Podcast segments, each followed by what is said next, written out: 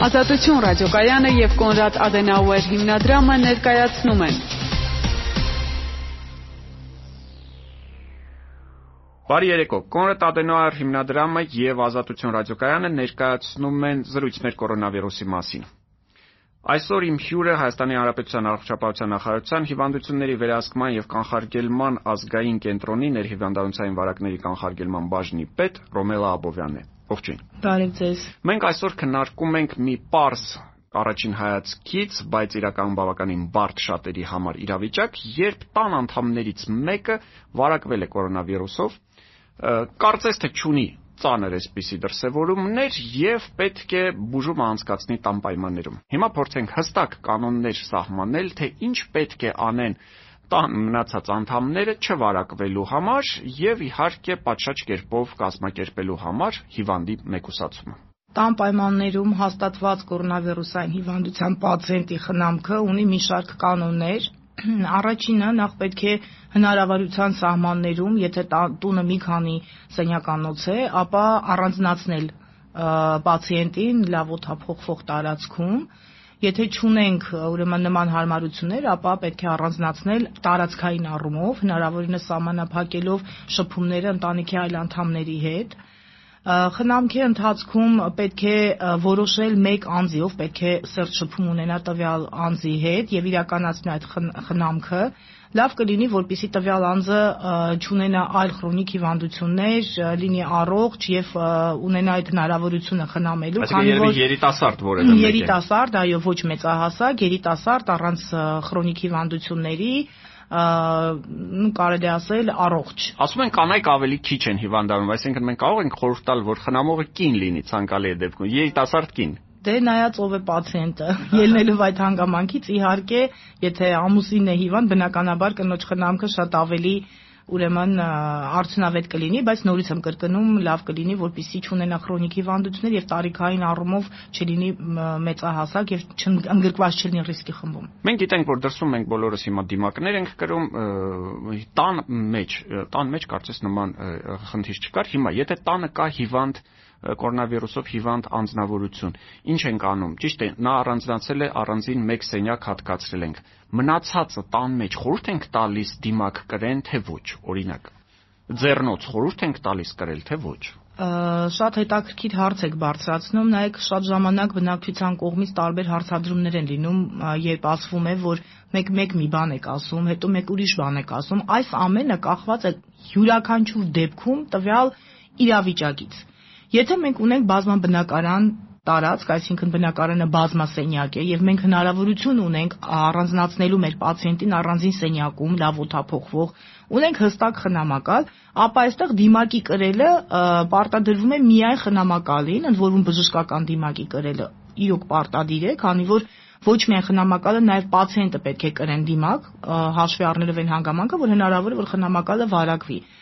Մնացած բոլոր անդամները պահում են սոցիալական հեռավորություն եւ հնարավորինս սահմանափակում են շփում կամ ընդհանրապես չեն շփվում պացիենտի հետ։ Նաեւ խնամակալի հետ են պահում հեռավորություն։ Ոչ, խնամակալի հետ հեռավորության պահելու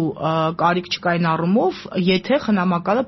այն կանոնները, հստակ կանխարգելիչ միջոցառումները իրականացնում է պացիենտի հետ շփման ընթացքում, որևէ խնդիր չկա։ Կներեք, այդ սենյակ մտնելիս է կրում դիմակը, թե ամբողջ օրը խնամակալը դիմակ։ Սենյակ մտնելիս եւ անձին հաստատված պացիենտին ուրեմն խնամ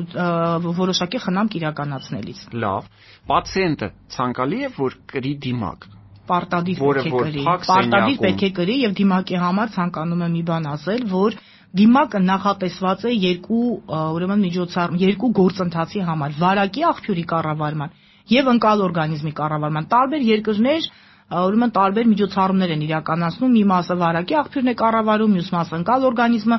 Այս պարագայում մեր տնային պայմանում, եթե մենք դիմակը տալիս ենք պացիենտին, առաջարկում ենք պացիենտին եւ նաեւ առաջարկում ենք ընկալ օրգանիզմին, այսինքն խնամակալին, ով կարող է վարակվել, դուրս է գալիս, որ այդ կարգախոսը, որը վերջերս անընդհատ կրկնվում է, իմ դիմակը օգնում է քեզ, քո դիմակը օգնում է ինձ։ Այս պարագայում երկուսի կողմից դիմակի կրելը շատ արդյունավետ արդյունք կարող է տալ։ Լավ, հաջորդ հարցը։ Մենք ունենք երևի երկու հիմնական հատված, որտեղ ունենք շփում մնացած տան անդամների հետ։ Առաջինը դա սնունդն է եւ սպասքի հետ կապված խնդիրը առանձնացնում ենք սպասքը, առանձին ենք լվանում, հատուկ ինչ որ նյութեր ենք կիրառում, ինչպես է դա կազմակերպվում։ Սնունդը ցանկալի է, որpիսի մատուցվի հենց սենյակում, որտեղ պացիենտն է գտնվում եւ ընդհանուր բոլորը միասին չսնվեն Ինչ վերաբերվում է սպասքին, այո, սպասքը առանձնացվում է եւ սպասքը լվացվում է ուղակի լվացող միջոցներով 60-ից բարձր ջերմաստիճանի ներքո, այնուհետև չորացում եւ պահվում առանձին։ Միանշանակ շատ դեպքերում հարց են բարձրացնում 60 աստիճան դա մի քիչ տաք ջուր է, չէ՞, Այո, մի քիչ տաք ջուր է, որում ես դες ասեմ, որ մեր մենք ունենք Հայաստանում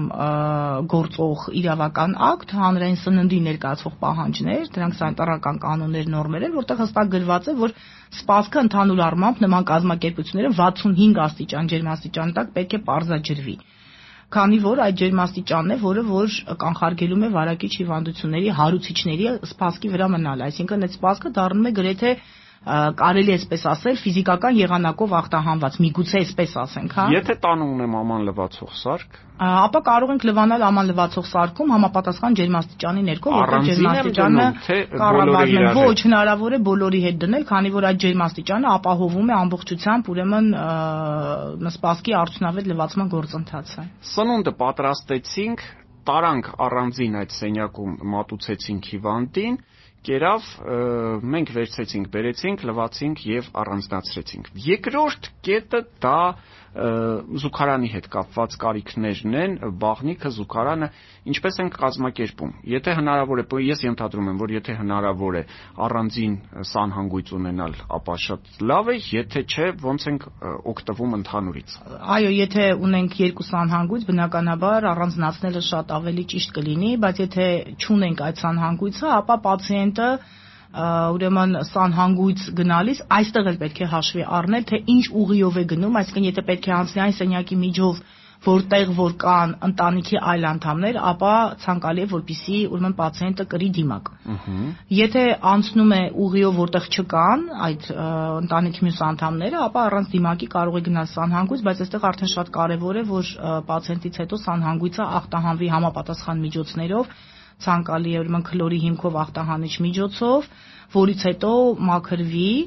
որpիսի մենք ճանենանք ուրեմն վարակի տարածում։ Ինչն ենք ախտահանում սանհանգույցում։ Ախտահանում ենք բոլոր հնարավոր մակերեսները, ինչին կարող էր դիպչել ուրեմն մեր տվյալ ուրեմն Այսինքն զուգարանակոնքը, զուգարանակոնքը եւ ինչ կա այնտեղ սանհանգույցում նայած, այո, լվացարանը, եթե կա սեղանիկ, սեղանիկը, դռների բռնակները պարտադիր դրսից ներսից Իհարկե ախտահանումը կարելի իրականացնել նաև 70%-անոց ուրեմն սպիրտով։ Իսկ եթե ոչ 70% սպիրտով, ինչով ենք այդ դեպքում։ Քլորի հիմքով ախտահանիչ միջոցով։ Քլորի հիմքով ախտահանիչ միջոց կոնկրետ անուն չենք տալիս։ Կարող է դրանք տարբեր են, կարող են ցանկացած մեկը վերցնել։ Բայց կուզենայի անպայման շեշտադրել, որ նման միջոց գնելիս պարտադիր պետք է ծանոթանալ մակնշման կանոններին, պատրաստման կանոններին, նախազգուշական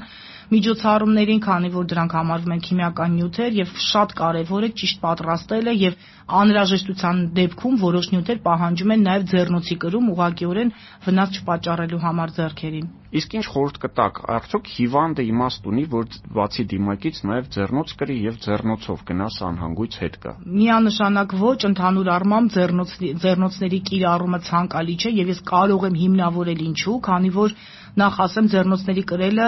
օգտագործումը պահանջում է մի շարք կանոնների պահպանում։ Այսինքն մինչ ձեռնոցները պետք է ձեռքերը ախտահանվեն, ձեռնոցների ընթացքում անընդհատ ձեռնոցները պետք է ախտահանվեն, որից հետո ձեռնոցները հանելուց հետո նորից ախտահանվեն։ Շատ ավելի արդյունավետ միջոց է ուղղակի ձեռքերի ախտահանումը, այ ձեռքերի ախտանման գործընթացը պետք է իրականացնեն թե ընտանիքի անդամները, թե խնամակալը եւ թե պացիենտը։ Եվ յուրաքանչյուր մակերեսին դիպչելիս շատ ավելի հեշտ է ձեռքերի ախտահանելը եւ 60-70%-ով ուղղակի մենք նվազեցնում ենք վարակի տարածումը։ Ձեռքերի ախտահանումը իրականացվում է ալկոհոլի հիմքով հականեխիչ միջոցներով։ Ինչ կասեք սրբիչների մասին։ Ցանկալի է, որpիսի պացիենտի համար առանձնացվի ուրեմն սրբիչ, եթե հնարավոր է տանը նշված ժամանակահատվածում կիրառել թխվի անձեռոցիկ կամ եթե տանը կան չորացնող սարքեր, միանշանակ ավելի արդյունավետ է օգտագործել դրանք։ Չորացնող սարքերի հետ կապված կար կարծիք, որ այ փչում է, տարածում է, այդ օթի հոսքի հետ միասին։ Օթի հոսքի, օթի եթե օթի հոսքը փչում է դեպի ներքև, մենք որևէ խնդիր չունենք։ Չենք վախենում։ Եթե կա այդպեսի սարք, հանգիստ օգտագործում ենք, անգամ ցուցված է։ Այո Եթե կա հնարավորություն օգտագործենք միանգամյա թղթեսրբիչները, թղթեսրբիչներ, այո։ Եթե չէ, ապա առանձնացնում ենք սրբիչը պացիենտի եւ լվանում ենք նորից լվացքի մեքենայի մեջ 60-ից բարձր ջերմաստիճանի ներքո ուղղակի սովորական լվացող միջոցներով, որից հետո չորացնում ենք, պահում ենք առանձին։ Բայց այնուամենայնիվ լավ կլինի, եթե թղթեսրբիչ ունենանք։ Միանշանակ։ Շատ լավ։ Հաջորդ հարցը արդեն վերաբերում է սննդի հետ կապված, որևէ ունենք հակացություններ կամ ցուցումներ, ինչ ենք Որևէ հակացություն սննդի հետ չկա, ուղղակի պետք է հետևենք սնուցման կանոններին, սնվենք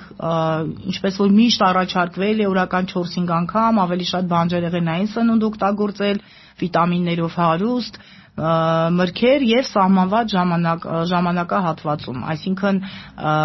պահպանել ռացիոնալ կանոնները։ Օթի ջերմաստիճան, չնայած հիմա արդեն տաք է ամառվա ամիսներն են, բայց այնուամենայնիվ օթափոխել օրվա մեջ քանի անգամ հիվանդի սենյակը, հիվանդը ինքը կամ խնամողը պետք է արդյոք ախտահանի թե ոչ։ Օթափոխության հետ կապված ասեմ, օթափոխանակությունը շատ կարևոր է եւ պետք է հնարավորինս, ինչքան հնարավոր է օթափոխել, քանի որ հիմա դրսում է ինչպես նշեցիք, տաք եղանակ է, շատ ավելի ուրեմն նաև հաճելի է այդ գործընթացը իրականացնելը։ Ինչ վերաբերվում է ախտահանմանը, այո, որտեղ որ գտնվում է ուրեմն մեր պացիենտը, մակերեսները կարող ենք ախտահանել նորից 70%-անոց սպիրտով, ցանկալի 70%-անոց սպիրտով։ Ով է ախտահանում։ Խնամակալը բնականաբար։ Հիվանդը ինքը չենք տալիս, ասում եթե ուզում է ժամ, դե ոտքի վրա է։ Կարող է նաև, եթե իհարկե ներկայացվի ծանր գործ չի իհարկե, բայց ցանկալի որպեսի կամ պացիենտը եթե ի վիճակի է, որովհետև պացիենտներ կան, որ այո, կարող է չունենան ախտանշաններ, բայց ելնելով որոշակի առանձնահատկություններից շատերը հա սիրում են, հա, ես հիվանդ եմ եւ այլն, բայց ընդհանուր առմամբ խնամակալ ինքը շատ հանգիստ կարող է այդ ամենը իրականացնել։ Կարող է մտնել այդ սենյակ։ Մտնել այդ սենյակ, իրականացնել ախտահանում 70%-անոց սպիրտով մակերեսների։ Լավ, եւս մի էսպիսի հարց, տեսեք, մենք երբ որ խոսում ենք սանհանգույցի մասին, շատ շատերը հարցնում են, լավ, ինչու ենք օրինակի համար զուգարանակոնքը այսպես անպայման նշում ամեն օգտվելուց հետո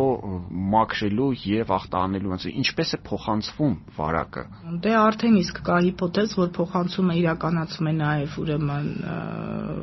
ստամոքսաղիքային տրակտի, հա, հետևանքով, այսինքն կոնտակտային ճանապարհով բնականաբար եթե օգտվում են սանհանգույցից, այնտեղ նախ ասեմ ձեզ, որ կա վերջերս իրականացած հետազոտություն առողջապահության համաշխարհային կազմակերպությունից, երբ որ սենքային տարբեր սենքերի աղտոտվածության աստիճանն են որոշել, համար առաջին տեղում գտնվել է սանհանգույցը։ Այսինքն ամենաբաղարկված, ամենակոնտամինացված հատվածը եղել է սանհանգույցը եւ նաեւ կար առաջարկ, որ շատ լուրջ ուշադրություն պետք է դարձնել այդ թվում նաեւ փակ կազմակերպություններում սանհանգույցների լվացման եւ ախտահանման գործընթացի վրա։ Բնականաբար պացիենտի հագուստը նույնպես պետք է լվացվի մարդը չի կարող այդ ամբողջ հիվանդության ընթացքում մեկ հագուստով ուղակի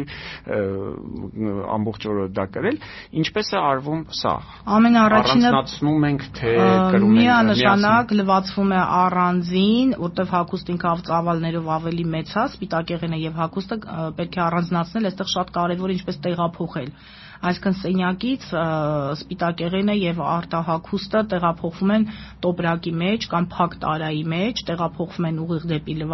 լվացքի մեքենայի, որտեղ տեղադրված է լվացքի մեքենան այդ սենյակը եւ այնտեղ լվացվում են սովորական լվացող միջոցներով, ինչպես որ նշեցինք, նորից 60-ից բարձր ջերմաստիճանի ներքո։ Եվ հանգիստ ենք լինում։ Այո, եւ հանգիստ ենք լինում։ Լավ։ Հիմա հաջորդ հարցը։ Ես տանը ունեմ հիվանդ պացիենտ, ես խնամակալն եմ, բայց ես առողջ եմ, կարծես թե ոչ մի ախտանշաններ չունեմ։ Ես ինչ պետք է ես անեմ։ Ես արդյոք մեկուսացված եմ, ես իրավունք ունեմ գնալ խանութ հաց գնել բերել, կերակրել իմ հիվանդին, թե ես իրավունք չունեմ տան մյուս անդամները պետք է դուրս գան խանութից օգտվեն կամ պատվիրել։ Նայեք, եթե կան ընտանիքում այլ անդամներ, բնականաբար ցանկալի է, որպեսզի այդ անդամները ուրեմն բերեն իրականացնեն գնումները, բայց եթե մենք խոսում ենք հիմնական կանխարգելիչ միջոցառումներից, այսինքն դրանք երեքն են, հա, ձեռքերի ախտանում, սոցիալական հեռավորություն եւ դիմակների կրում, ապա եթե այդ երեք գործընթացները, երեք կանխարգելիչ միջոցառումները նույն խնամակալի կողմից իրականացվի, ապա խնամակալը որպես այդպիսին վտանգ չի կարող սպառնել այլ անձանց համար, իսկ նույն բնակչության համար։ Ես նկատում եմ նա կոնտակտային անձ է, չէ՞, համարվում։ Կոնտակտային անձ է, բայց կոնտակտային անձը պահելով հեռավորություն, կրելով դիմակ եւ ախտահանելով ձեռքերը ուղղակիորեն չի կարող վտանգ հանդիսանալ այլ անձանց համար։ Այ դրա համար է անընդհատ հորդորը, որ յուրաքանչյուր անձ ինքն է պատասխանատու նաեւ այս վարակի տարածման կանխարգելման գործընթացում եւ մենք կարող ենք ուղղակի մեր այսպես ասած, եթե վերցնենք, որ կարող է մենք վարակված լինենք, ուղղակի կանգնեցնել այդ վարակը եւ թույլ չտալ, որpիսի այդ հարուցիչը մեզանից անցնի մեկ այլ անձի։ Եվ երևի թե վերջին հարցը կա նաեւ այսպիսի հետազոտություններ, թվեր են տարբեր նշվում, որ երկու հոգի, որոնցից մեկը հիվանդ է, որpիսի մյուսը վարակվի, մոտավորապես շփումը պետք է լինի մոտավորապես 15 րոպե կա ինչ որ դրա հիմքում ընկած ինչ որ լուրջ հետազոտություն, դա դա այսպես օթից վերցրած թիվ է, այսինքն ես կարող եմ մտնել, լինել խնամակալը, չպահպանել կանոնները եւ 1 րոպե հետո արդեն բարակված լինել, եւ հակառակը ես կարող եմ մտնել այդ սենյակը ախտահանել, մաքրել, դասավորել, այնտեղ ամեն ինչ գտնվել մի կես ժամի չափ եւ ինձ ոչինչ չպատահի, բայց ես ասենք թե կլրեմ դիմակ եւ անվտանգության կանոնները փորձեմ հետ պահպանել։ Շատ բարդ հարց եք տալիս, բայց ես որպես մասնակետ կարող եմ մի փոքր այսպես մեկնաբանել, որ բացարձակ ժամանակը այստեղ կապ չունի այստեղ ավելի շատ երևի կապ ունեն տվյալ անձը, եթե մենք դիտարկում ենք ուղղակի անձի կլինիկական վիճակը, այսինքն տվյալ անձը հազում է, փռշտում է, որ սենյակում է գտնվում կամ այդ սենյակը ինչքանով կարող է բաղարկված լինել, կոնտամինացված լինել։ Այսինքն եթե անձը հազում փռշտում է եւ կարող է մակերեսներ ուղակի ախտահարել այդ հարուցիչներով, ընդամենը 1 րոպե բավական է, եթե մենք չենք իրականացնում այդ կանխարգելիչ միջոցառումները, որ հակառակ մյուս կողմի անձը, այսինքն խնամակալը վարակվի եւ կարող է պահպանվել բոլոր կանխարգելիչ միջոցառումները իրականացվեն, մնալ այնտեղ 6 ժամ եւ բացարձակ չվարակվել։ Դրա համար այստեղ նորից եմ ասում, շատ ժամանակ ուզում եմ ուղակի նշեմ, որ շատ ժամանակ երբ որ ինչ որ փոփոխական կամ ինչ որ մարդիկ տարբեր ձևերով են, հա, ասենք ընկալում, այ այստեղ ասում եք դիմակ կրեք, այնտեղ ասում եք դիմակ մի կրեք, այդ ամեն ինչը կախված է յուրաքանչյուր պահից եւ յուրաքանչյուր իրավիճակից ելնելով շրջա, շրջապատի հետ կապված սիտուացիաները, հա, ասենք մեկ սենյակ է, մի քանի սենյակ է, այստեղ շատ կարևոր է այդ դիմակի կրելու հետ կապված է, հա, մենք ինչ ենք ասում, որ ավելի գերադասել է բժշկական դիմակ կրել, իհարկե կարող եք նաև տնային պայմաններում պատրաստված, օրինակն եմ բերում, որովհետև տնային պայմաններում պատրաստված դիմակի համար շատ ավելի բարդ կանոններ են պետք։ Դրան պետք է պահել հատուկ